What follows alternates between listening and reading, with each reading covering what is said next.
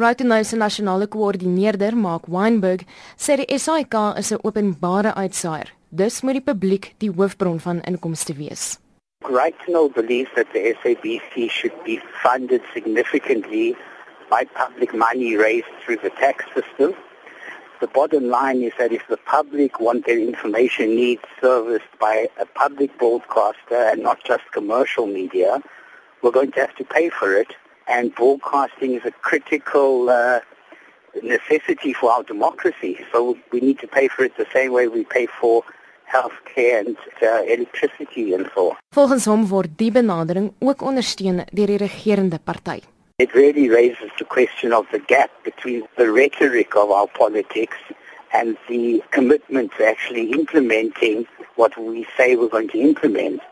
And the right to know believes that access to information is a right, media is a public good, and it can't be left in the hands of advertisers. And we fully support the ANC resolution. The ANC's practice in implementing it is a, is a disgrace, frankly. Hy sê die uitsaar se nuwe voorstel is nie die oplossing tot die SAIK se finansiële penarie nie.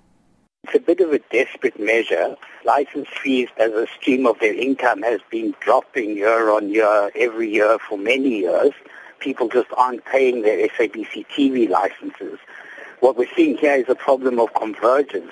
Die hoof van Wit se journalistiek departement, professor Frans Kruger, sê die SAIK se hoofbron van inkomste is kommersieel van aard. In South Africa's case, um, the SABC, I think the figure is around 75% at the moment.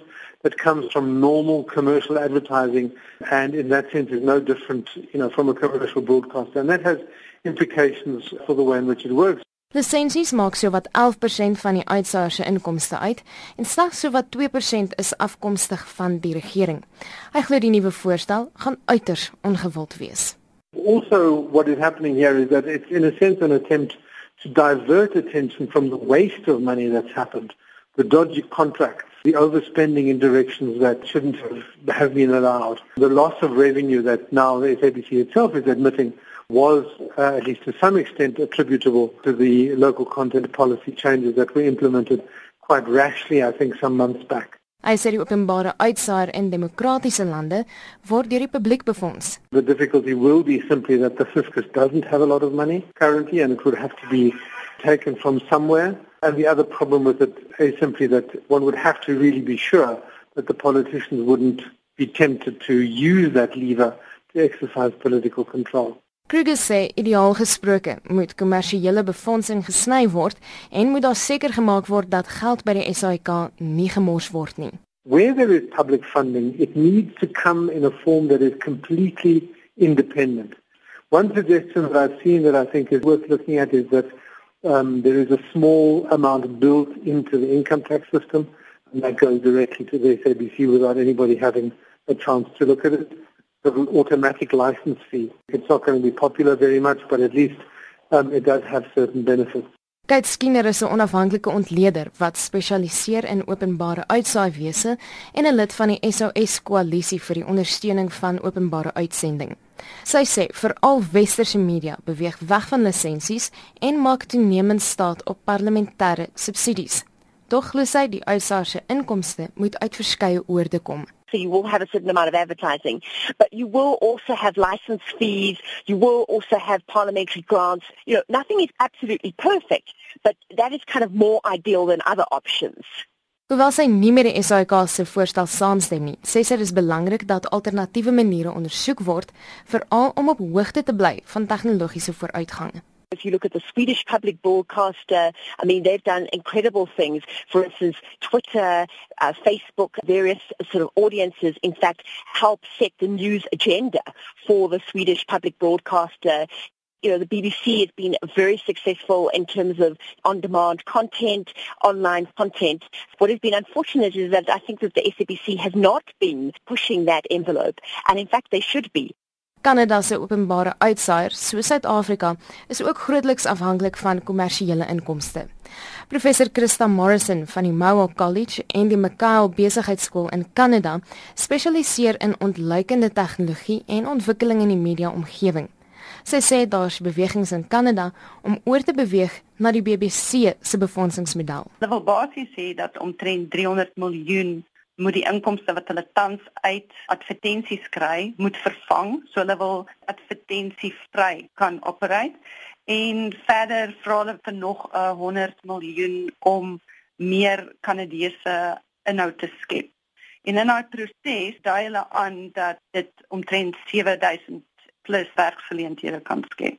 Tog ontvang die land se uitsaaier ook staatssubsidies. BBC in Engeland die hoeveelheid geld wat hulle ontvang van hulle regering beteken dat elke belastingbetaler daar 114 dollar per jaar bydra. Sy sê om dit te laat werk, moet mens bepaal wat die verbruiker van waarde ag. In Engeland en ook met hierdie voorstel in Kanada word dit gesien as 'n investering in ons kultuur.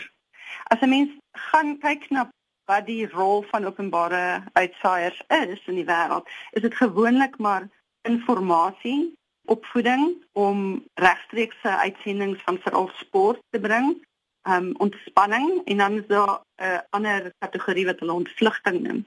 Met die tempo van tegnologiese vooruitgang, kry mense hierdie elemente op verskeie ander platforms.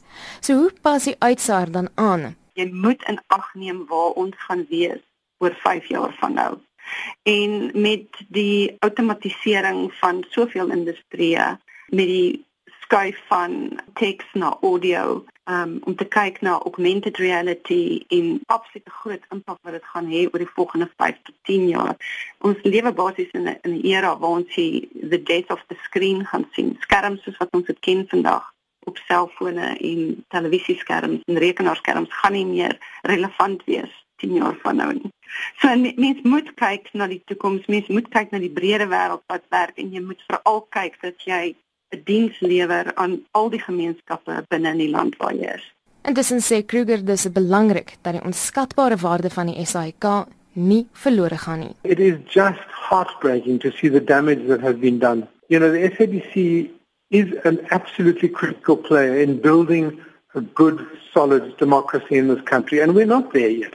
And the SABC has to be the platform where the country's citizens get reliable information, able to debate across the divisions where people can hear views from outside of their comfort zone where people can be exposed to new ideas. Dit was die hoof van Witse departement vir journalistiek, professor Frans Kruger.